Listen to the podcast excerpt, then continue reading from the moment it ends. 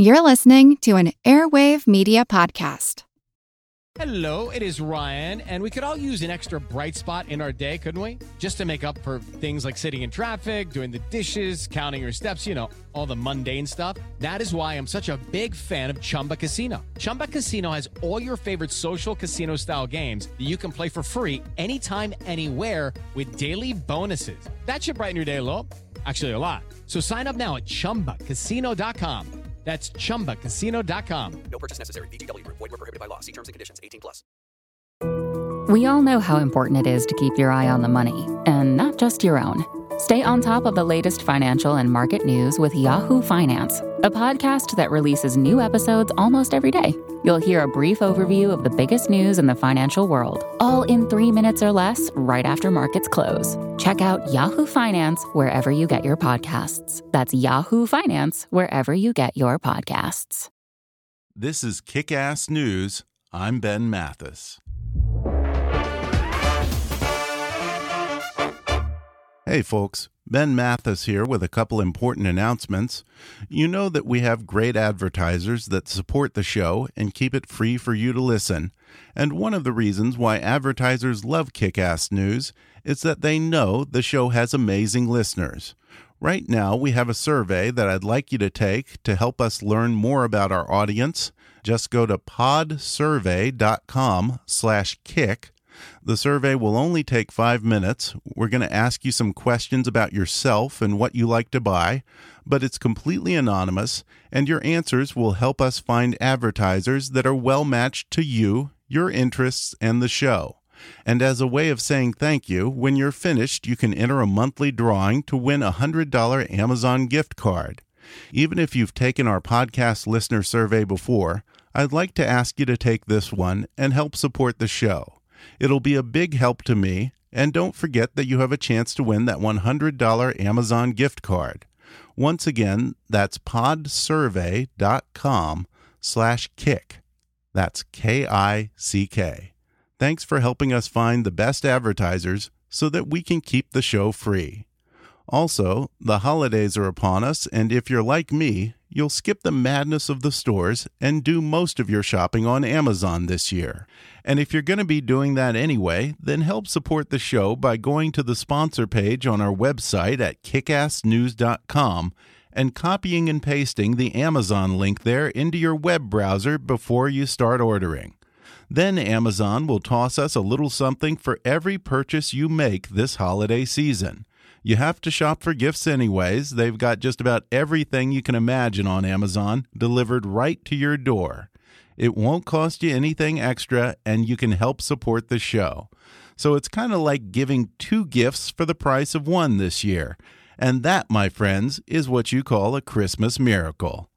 So again, go to the sponsor page at kickassnews.com and copy our Amazon link into your web browser before you start shopping. And if you feel extra generous this Christmas, then make a donation to keep us going over here at gofundme.com slash kickassnews. Thanks for listening and enjoy the podcast. Hi, I'm Ben Mathis and welcome to Kick-Ass News. For over half a century, Middle East peace has been the elusive holy grail of U.S. foreign policy. Presidents from Carter to Clinton, Bush to Obama have tried to broker a lasting peace between Palestinians and Israelis, and though some of their efforts have led to brief glimmers of optimism, a succession of negotiations and fragile agreements have failed to overcome the complicated history and deep rooted distrust between these two peoples. One person who can attest to the difficulty of that task is former Senate Majority Leader George Mitchell. He knows how to bring peace to troubled regions. George Mitchell was the primary architect of the 1998 Good Friday Agreement for peace in Northern Ireland, but when he served as the U.S. Special Envoy for Middle East peace from 2009 to 2011, working to end the Israeli Palestinian conflict, diplomacy did not prevail. Now, in a new book called A Path to Peace A Brief History of Israeli Palestinian Negotiations and a Way Forward in the Middle East, George Mitchell and his co author, Middle East advisor Alon Sachar, offer an insider account of how the Israelis and the Palestinians have progressed and regressed in their negotiations through the years, and they outline the specific concessions each side must make to finally achieve a lasting peace. George J. Mitchell served as a Democratic senator from Maine from 1980 to 1995 and Senate Majority Leader from 1989 to 95. He was the primary architect of the 1998 Good Friday Agreement for Peace in Northern Ireland, chairman of the Walt Disney Company, U.S. Special Envoy for Middle East Peace, and author of the Mitchell Report on the use of performance enhancing drugs in baseball. His books include World on Fire Saving an Endangered Earth, Not for America Alone, The Triumph of Democracy and the Fall of Communism, Making Peace, and The Negotiator, a memoir. He was nominated for a Nobel Prize in 1998 for his role in the Northern Ireland peace process. He was invested as an honorary Knight Grand Cross of the Order of the British Empire and in 1999, George Mitchell received the Presidential Medal of Freedom. His co author, Alon Sachar, has worked to advance Middle East peace under two U.S. administrations.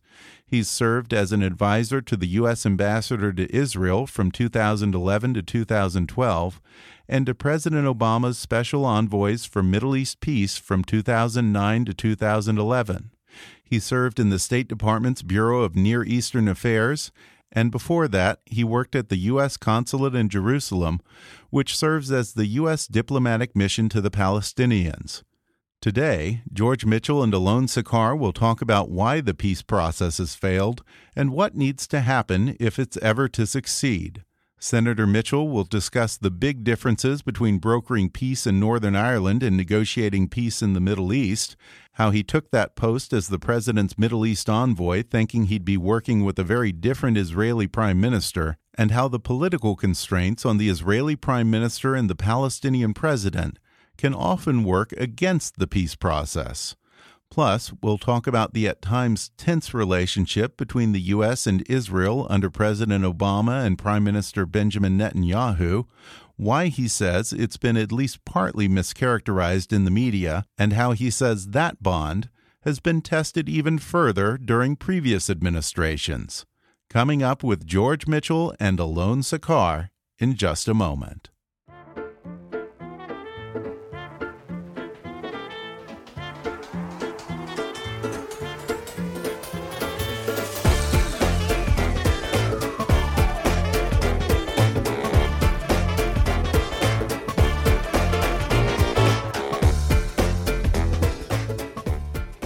George J. Mitchell served as a Democratic senator from Maine from 1980 to 1995 and Senate Majority Leader from 1989 to 1995.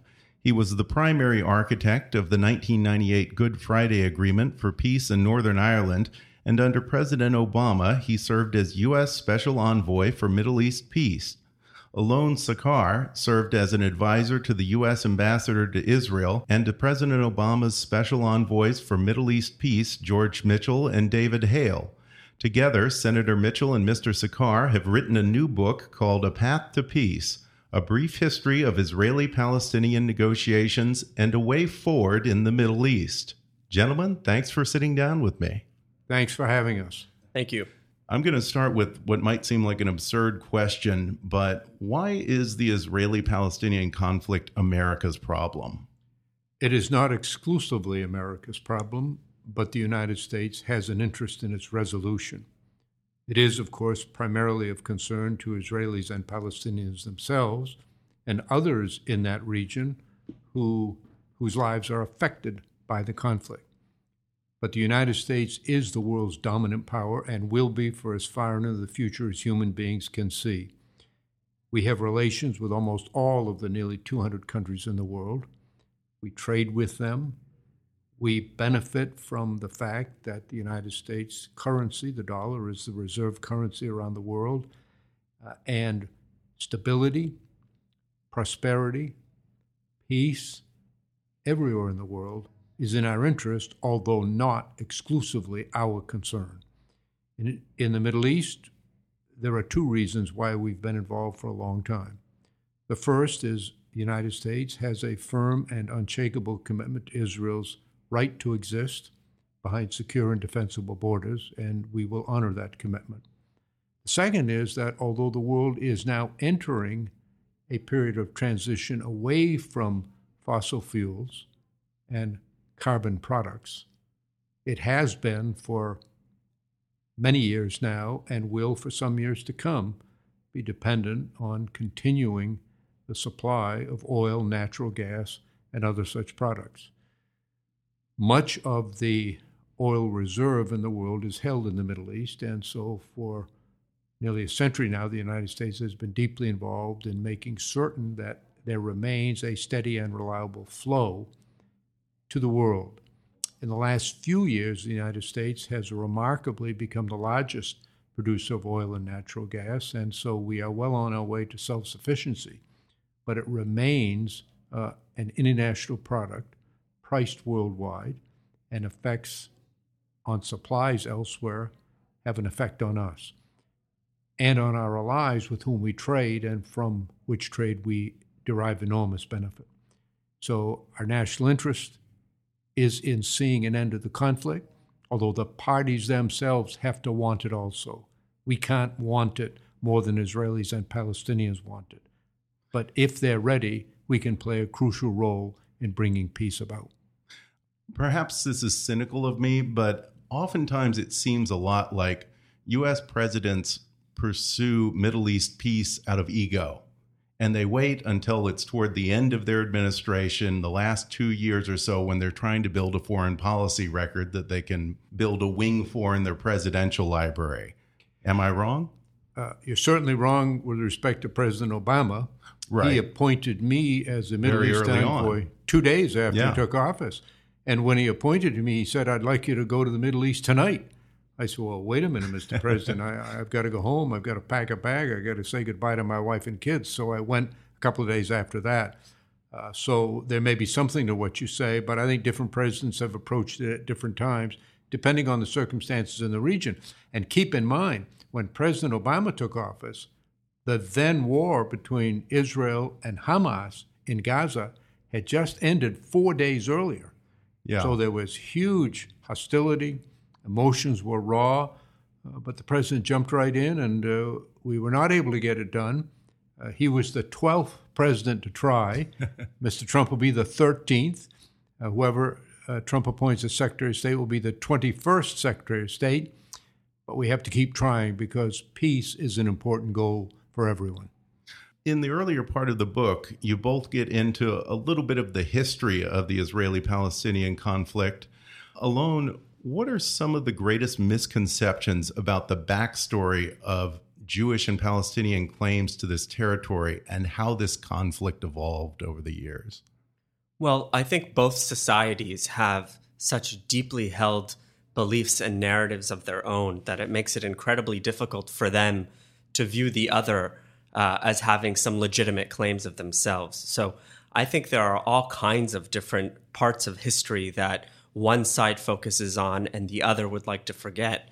Um, but I think the the the absolute the most important uh, part of their history is that they both have legitimate and real claims to this land.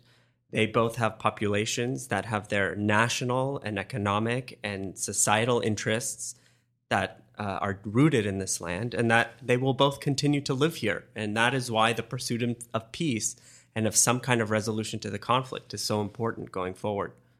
Um, you say that the Israeli Palestinian conflict is not exclusively religious, and I think that's a common misconception. So, what is it about, aside from just that? Well, it's territory, as we've Right. just discussed. uh, it is national identity. Uh, it is uh, cultural. It is a different way of life. That's not uncommon there. One could look at the United States and Mexico and say, while we live side by side, we once fought a war, uh, but we now have peaceful relations, although our cultures are much different, our language is different, our ethnic background is to some degree different. Uh, so it's commonplace in human history for national entities to form around homogeneous groups in language, in race, in culture, and in religion. It is also, unfortunately, na- uh, common for there to be national histories of conflict among many such groups. This is one of them, one of the oldest, one of the most passionately held, a very destructive one to both societies, and one which we believe can be brought to an end, and we hope and pray that it will. Senator Mitchell, when you were appointed Middle East envoy under President Obama, like you said, two days into his administration, Mahmoud Abbas and then Israeli Prime Minister Ehud Olmert had already made some progress toward a peace deal. And you actually give a surprising amount of credit to the Bush administration and Condi Rice. Um, did you take the post thinking that you were going to have at least the beginnings of a framework for a deal to build upon rather than having to start negotiations out of whole cloth? Uh, it became clear almost immediately that those negotiations would not be carried forward for two reasons. One is the two sides both insisted, as a precondition to any discussions, that no agreement be final until everything was final, as a way of encouraging compromise on particular issues, but not being bound by it until they each saw the whole picture. So when those negotiations came to an end, when the conflict, that time a renewal of conflict between Israel and Hamas and Gaza came to an end, there had been no agreement. Secondly, any effort to begin where they left off was immediately rejected by Prime Minister Netanyahu, who publicly and emphatically described Olmert's discussions as invalid, unimportant, and dangerous for Israel. So some have said we should have picked up the negotiations there, and surely we would have liked to do that. But the Prime Minister of Israel right. made it very clear he would not negotiate on that basis, that we had to start from scratch.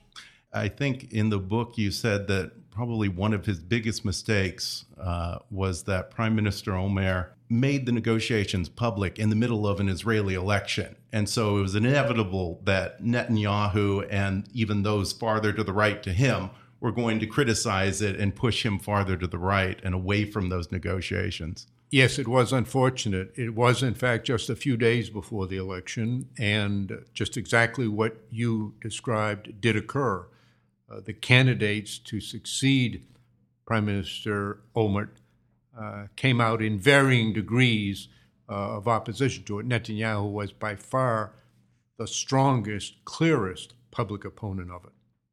And what we were talking about a moment ago speaks to, I guess, one of the biggest problems, which is that it always seems a little bit like that movie Groundhog Day. The Israelis and the Palestinians, time and time again, end up having to start all over again from square one. How do you break that cycle? It's extremely difficult. It's not unique to this conflict. Uh, I chaired three separate sets of discussions in Northern Ireland over a span of five years. And if I heard it once, I heard it a hundred times. uh, this has been going on for 800 years. There have been many previous efforts. Everyone had to start from scratch. You'll never get this done. And in fact, for almost all of the five years, we didn't get it done. I've said often that we had 700 days of failure and one day of success.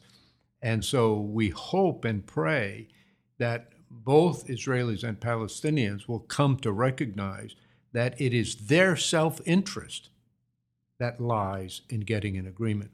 We referred in the book to a speech made by President George W. Bush when he traveled to Jerusalem in 1998 to push his peace plan, a very detailed roadmap for peace, as he called it. And he spoke to an assembled group of Israeli and Palestinian leaders. And he said to the Israelis, You've got a state, a successful state but you don't have security for your people. The people of hmm. Israel live in constant fear and anxiety. The only way you're going to get that security is if the Palestinians get a state. Bush then said to the Palestinians, You want a state, and we support that, but you're never going to get a state until the people of Israel have sustainable and reasonable security. So he said to the both of them, You should be vested in each other's success because that's the only way you can get what you want. Mm-hmm. And I think in the book you talk about one of your first meetings with uh, Netanyahu and how he showed you a piece of paper. Uh, he said uh, they, meaning the Palestinians, will get a negotiation on borders after we, the Israelis, get a full security agreement with the United States. Mm-hmm. That is to say, he wanted separate discussions with the United States to precede and be concluded before Israel would discuss yeah. territory and borders. And uh, uh, we never reached the first point, so we never got to the second yeah. point. Um, the relationship between President Obama and Prime Minister Netanyahu got off to a pretty rocky start when you say Obama suggested a freeze in settlements would be a good start, and you use the word suggestion. How did that so quickly turn into this narrative of Obama gave Netanyahu an ultimatum?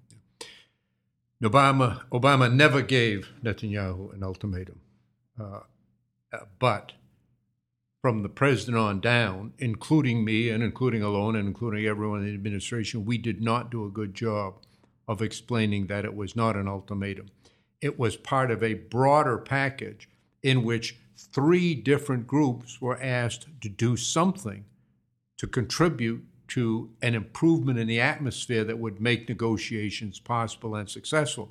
Recall, as I've just said, the war in Gaza had just ended four days before Obama took office. Yeah. There'd been a lot of death and destruction. Hostility was high. Emotions were raw. So the president concluded, rightly, that there was no chance of getting to negotiations immediately. We devised a package. We asked Israel for a settlement freeze, which was identical in words and substance to what President Bush had asked for just right. a few years earlier. We asked the Arabs to take steps toward the normalization of relations with Israel. We didn't ask them to fully recognize and sign an agreement now, but we asked for small things permit Israeli commercial overflights over their territory, engage in telephonic and mail service, open trade offices that had once existed. Steps like that that would signal good faith toward trying to come back together. And we asked the Palestinians to aggressively reduce incitement and hostility to Israeli within their society, within their educational system, in their mosques, and so forth. We couldn't get anybody to move. The Israelis wouldn't freeze settlements. The Arabs said they wouldn't act until Israel froze settlements, and the Palestinians said essentially the same thing. So we were not able to move forward as we had hoped, but we did not make any request in any of the three cases as a precondition to negotiation. We hoped it would facilitate negotiation. Why was Mahmoud Abbas so resistant to engaging in direct talks with Netanyahu? Uh, I said in the book, and I know Alon shares this view, uh, I spent a great deal of time with both Netanyahu and Abbas, separately and in the few occasions that they met directly.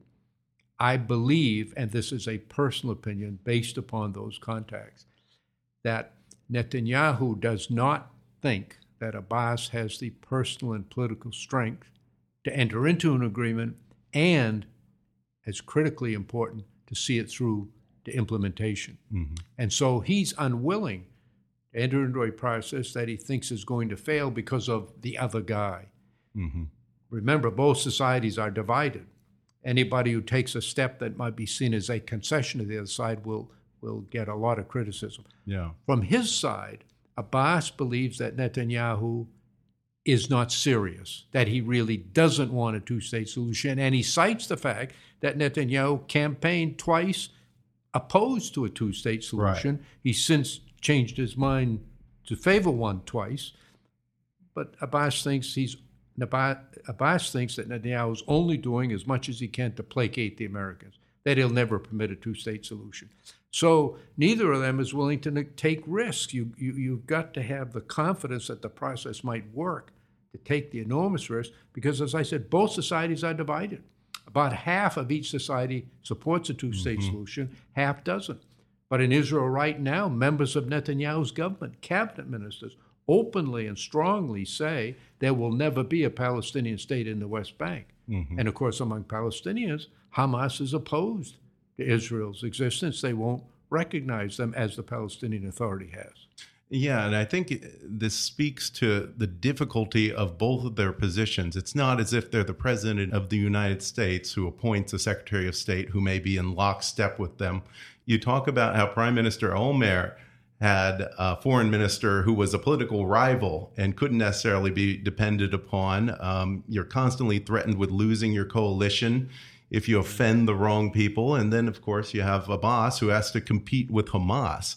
How do you achieve anything meaningful when the executives in their respective governments are in such precarious positions politically? Well, many Americans uh, criticize our two party system, and there's surely much to criticize. But boy, they should try the multi party system when you have to have coalitions coalition. of several parties to form a government. Keep in mind that when Netanyahu was elected, at the time we started there in 2009, he only won 27 seats out of 120 in their parliament. Mm-hmm. In fact, he finished second. Right. His uh, uh, Livni, the Kadima party, got 28. Uh, but in order to form a government, you need 61. And uh, she couldn't form a government. He formed a government, but it was a lot of small parties. And as a result, it gives these small parties enormous leverage yeah. in the negotiating yeah. process, which they use very aggressively. Yeah, and we think we have complaints with the Electoral College. We're going to take a quick break, and then I'll be back to talk more with George Mitchell and Alon Sachar when we come back in just a minute.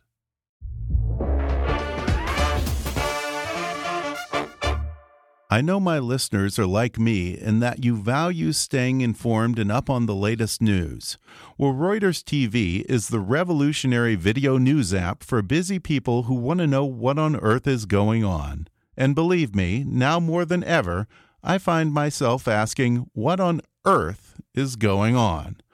So I want you to do yourself a favor and go to Reuters.tv slash kickass. You know, Reuters is the world's largest news organization with 2500 reporters around the globe, and Reuters TV is video news as it should be. No hot air, no talking heads, and no theatrics. That's just how I like my news. I'll tell you, more and more, I have a hard time watching cable news because whether it's Fox News or MSNBC or even CNN, there's always an agenda. But you and I, we know what they're doing. They're trying to influence our opinion. I don't like that. I don't need to be told what to think. Just give me straight up, unbiased reporting on the facts, and then I can make up my own mind. With Reuters, that's exactly what I get.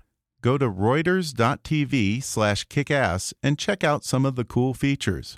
You can customize the length of your personalized news broadcasts anywhere from 5 to 30 minutes, and they update throughout the day. You can schedule downloads of broadcasts to watch offline whenever you want, you get live feeds of major news events such as presidential debates and press conferences, available on your favorite device iOS, Android, Roku, and Apple TV. It's personalized, always up to date, and ready when you are. It's basically the opposite of cable news. See for yourself. Go to reuters.tv slash kickass. That's Reuters, R E U T E R S dot TV slash kickass. And if you're enjoying my conversation today, you should order A Path to Peace, a brief history of Israeli Palestinian negotiations and a way forward in the Middle East by my guests today, George J. Mitchell and Alon Sachar. And right now you can download the audio version of their book for free with a special promotion just for our listeners at audibletrial.com slash kickass or click on the sponsor link on our webpage to download A Path to Peace or any of 180,000 titles. And now, back to the podcast. Eventually, President Abbas surprised even you, I think, when he agreed to trilateral negotiations during the UN General Assembly.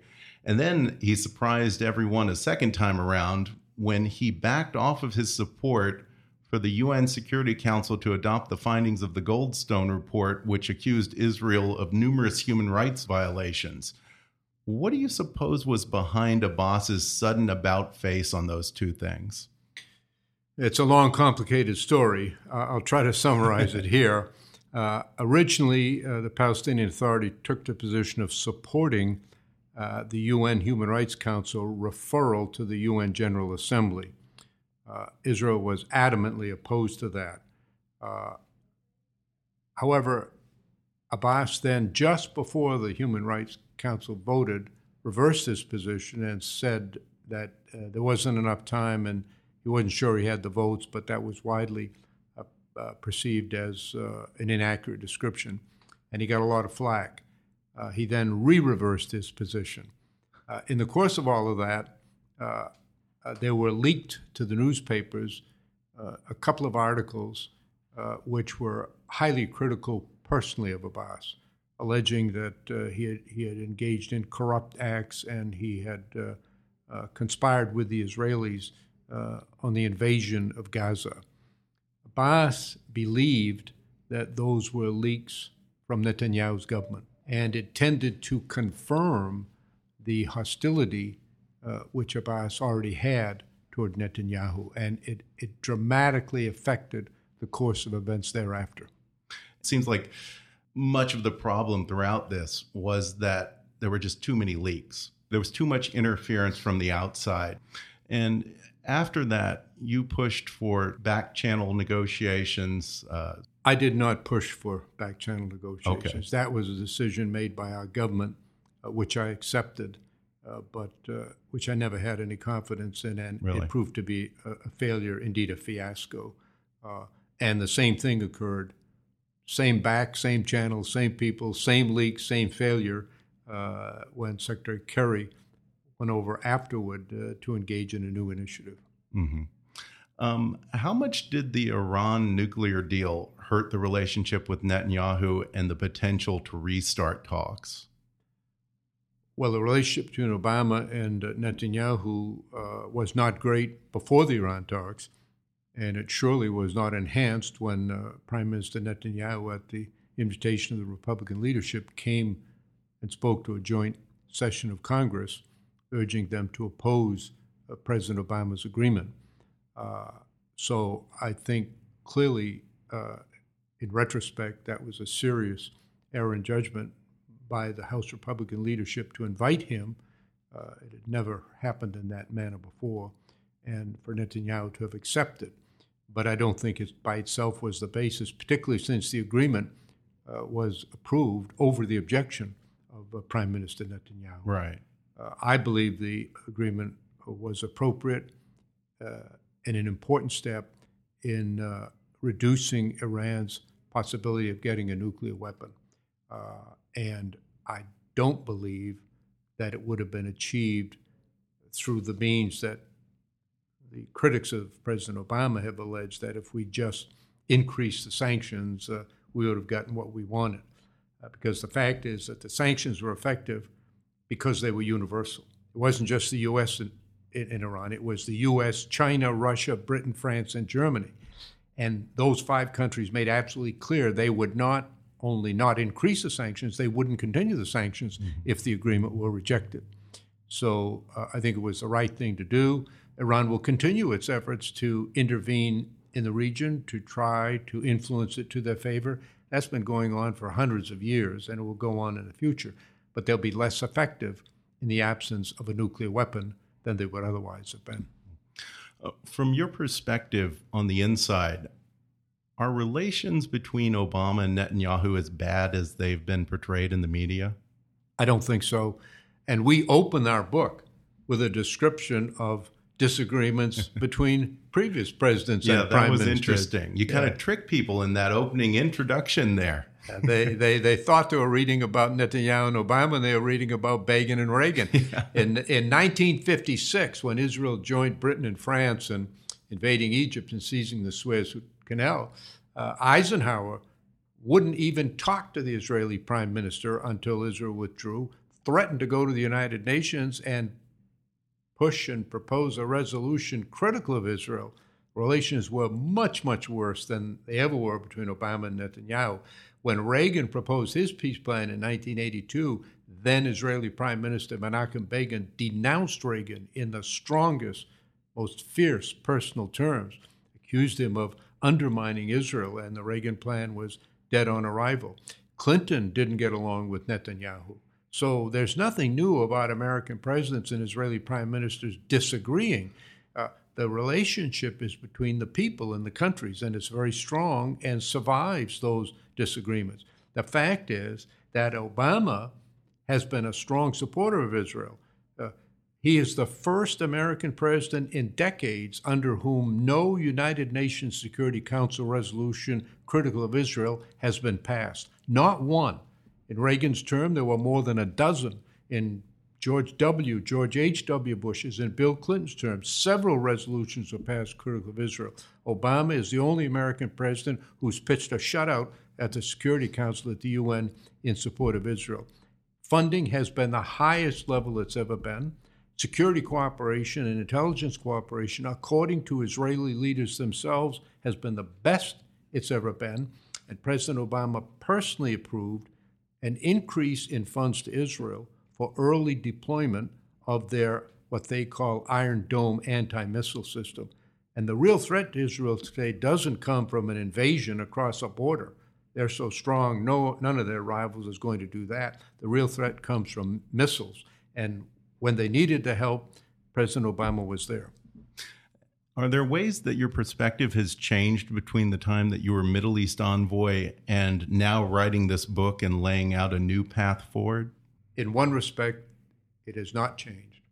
And that's really the purpose of the book. And I would like Alon to comment on this, but the principle of American policy that the only credible resolution to this conflict is through a two state solution. Mm -hmm. Yeah, let's let's talk about the path forward. What are some of the key elements, Alon? Well, we spend a considerable amount of time in this book going through some of the alternatives to a two state solution. There are plenty of people within the current coalition government in Israel that do not accept the two state solution and indeed want to basically make the current situation in the West Bank, which is Palestinian self rule in some parts of the West Bank, they want to make that permanent and just continue on that trajectory forever. Um, and it is our view that that is not something that the Palestinians are going to accept indefinitely. The Palestinian Authority today has excellent secu- security cooperation with the Israelis, um, and they provide for self rule and self government for the Palestinian people. That has relieved the Israelis of an enormous expense of needing to govern and take care of the West Bank and provide for full security there the trade off that the Palestinians ha- had accepted, and this was clarified in B- President Bush's roadmap in 2006, was show you can be a responsible government, cooperate on security, show that you can be a, a, a partner in the region that will help provide stability, and that will lead to a state. Today, that approach has lost enormous uh, amount of support in the West Bank and in Gaza. Credibility of that approach is massively diminished. Many Palestinians on the Palestinian street see Abbas as somebody who's merely prolonging the occupation and helping make the occupation easier for Israel, not as somebody who will provide the independence that the Palestinians are seeking. If that should end, if for some reason the Palestinians uh, no longer cooperate on, on security and on governance, the Israelis are going to have a real mess on their hand in the West Bank. It's a point that Senator Mitchell made very frequently uh, to the Israelis. They fear that a Palestinian state will become a failed state in the Middle East and right, you know, miles away from their biggest cities and population center.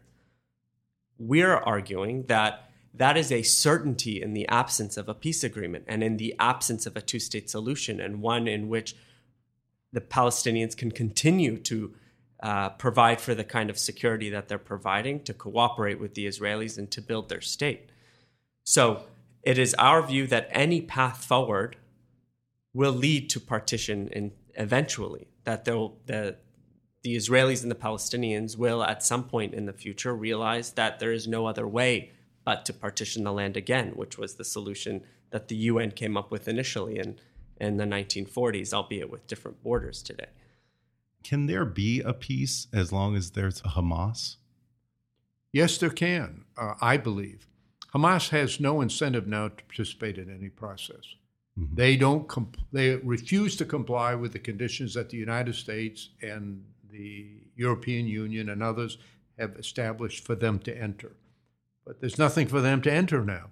In Northern Ireland, Sinn Féin, the political party affiliated with the IRA, did not enter the negotiations until 16 months after they started. Hmm. Because there was a set of principles of nonviolence, which I authored, yeah. which became known as the Mitchell Principles, that were the basis of coming in. They had to commit to nonviolence. If there's serious negotiation begins in the Middle East between the Palestinian Authority and the Israelis, and it has a prospect for moving forward, a meaningful chance, Hamas will then be in a very difficult position to stay out of it.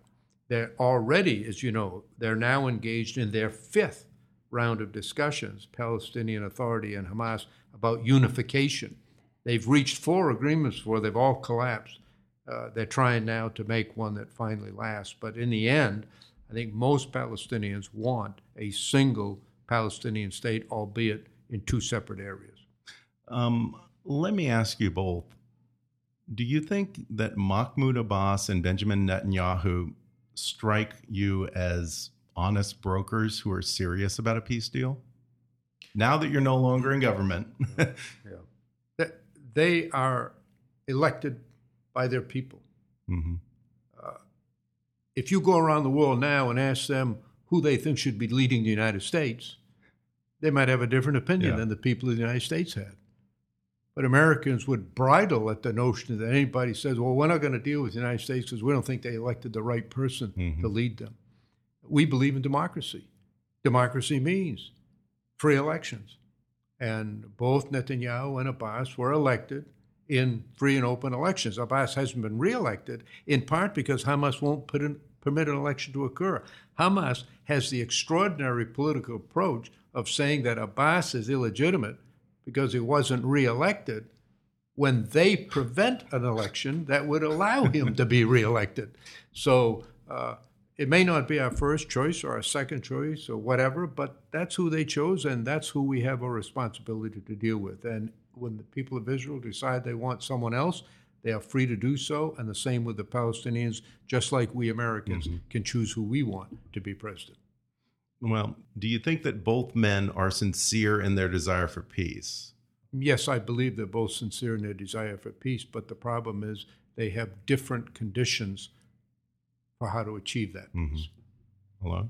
And I, I, agree fully. They also have different meanings about what the terms of the peace deal will necessarily right. be. They both now speak of the two state solution, and that's a goal they both share, but they mean very different things when they speak of the two state solution. Yeah. So the answer is yes, but what the challenge is is to get them on the same page and then into and through negotiation. Yeah. Uh, Senator Mitchell, you mentioned your signature accomplishment, the 1998 Good Friday Agreement. Do you ever get people who say, well, there are some superficial similarities. The IRA, Hamas, you managed to bring about peace in Northern Ireland. What's the difference between resolving that and resolving the Israeli Palestinian conflict? I'll begin with a story. About two years ago, I spoke to a large group of Irish Americans in New York. And I said to them, I'm about to say something I never thought I'd believe, let alone say.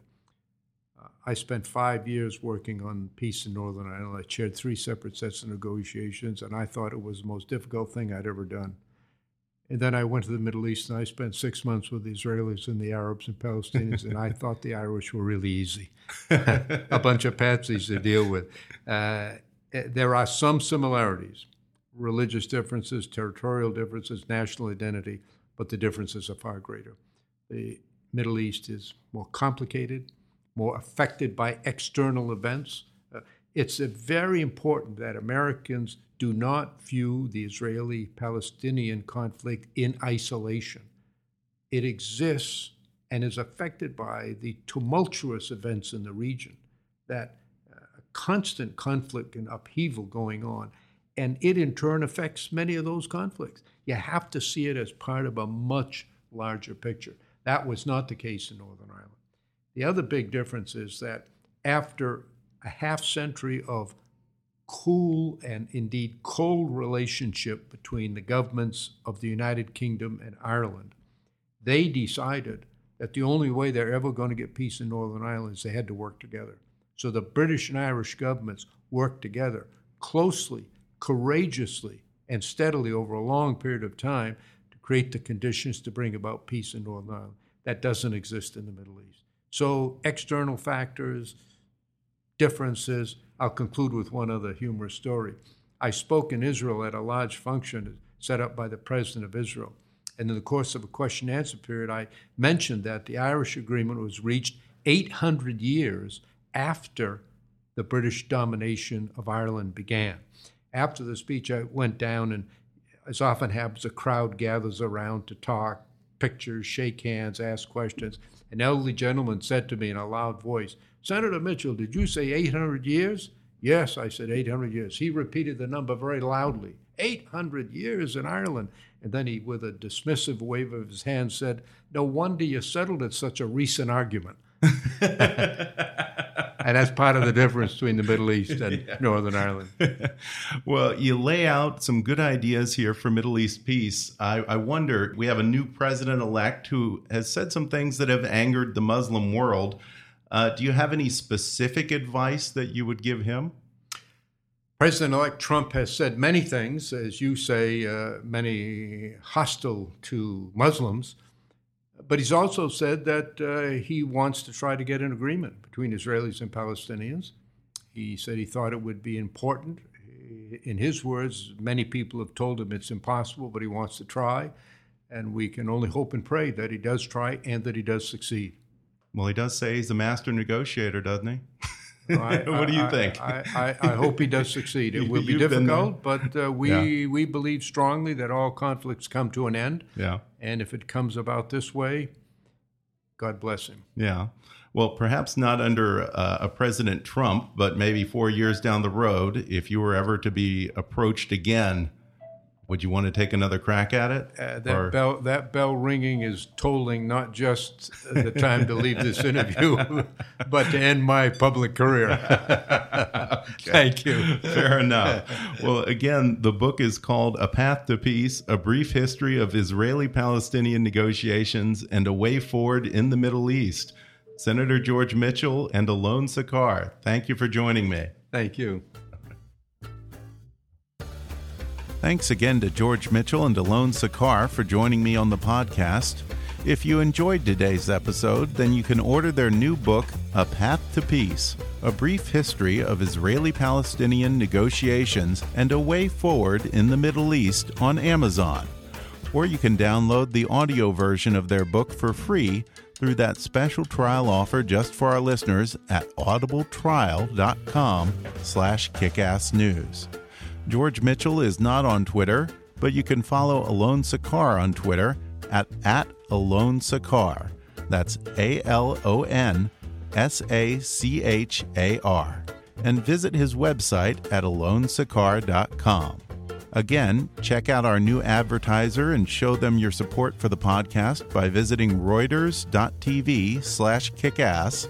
That's Reuters, R-E-U-T-E-R-S dot TV slash kickass. And don't forget to take our listener survey so we can keep this show free and find other advertisers who are best matched to you, our listeners. Just take five minutes to go to podsurvey.com slash kick and take the survey. And when you're done, be sure to register for that $100 Amazon gift card giveaway. And once again, before you start your Amazon shopping this Christmas, visit the sponsor page on our website at kickassnews.com and copy our Amazon link into your web browser first. Then Amazon will kick us a little coin for every order you make this season. Be sure to subscribe to Kickass News on iTunes and leave us a review while you're there. You can visit Kickass News on Facebook or follow us on Twitter at, at KAPolitics and please be sure to recommend Kick Ass News to your friends on your social media. And if you really want to help out, then donate to our GoFundMe campaign at gofundme.com slash kickassnews. As always, I welcome your comments, questions, and suggestions at comments at kickassnews.com. For now, though, I'm Ben Mathis, and thanks for listening to Kick Ass News.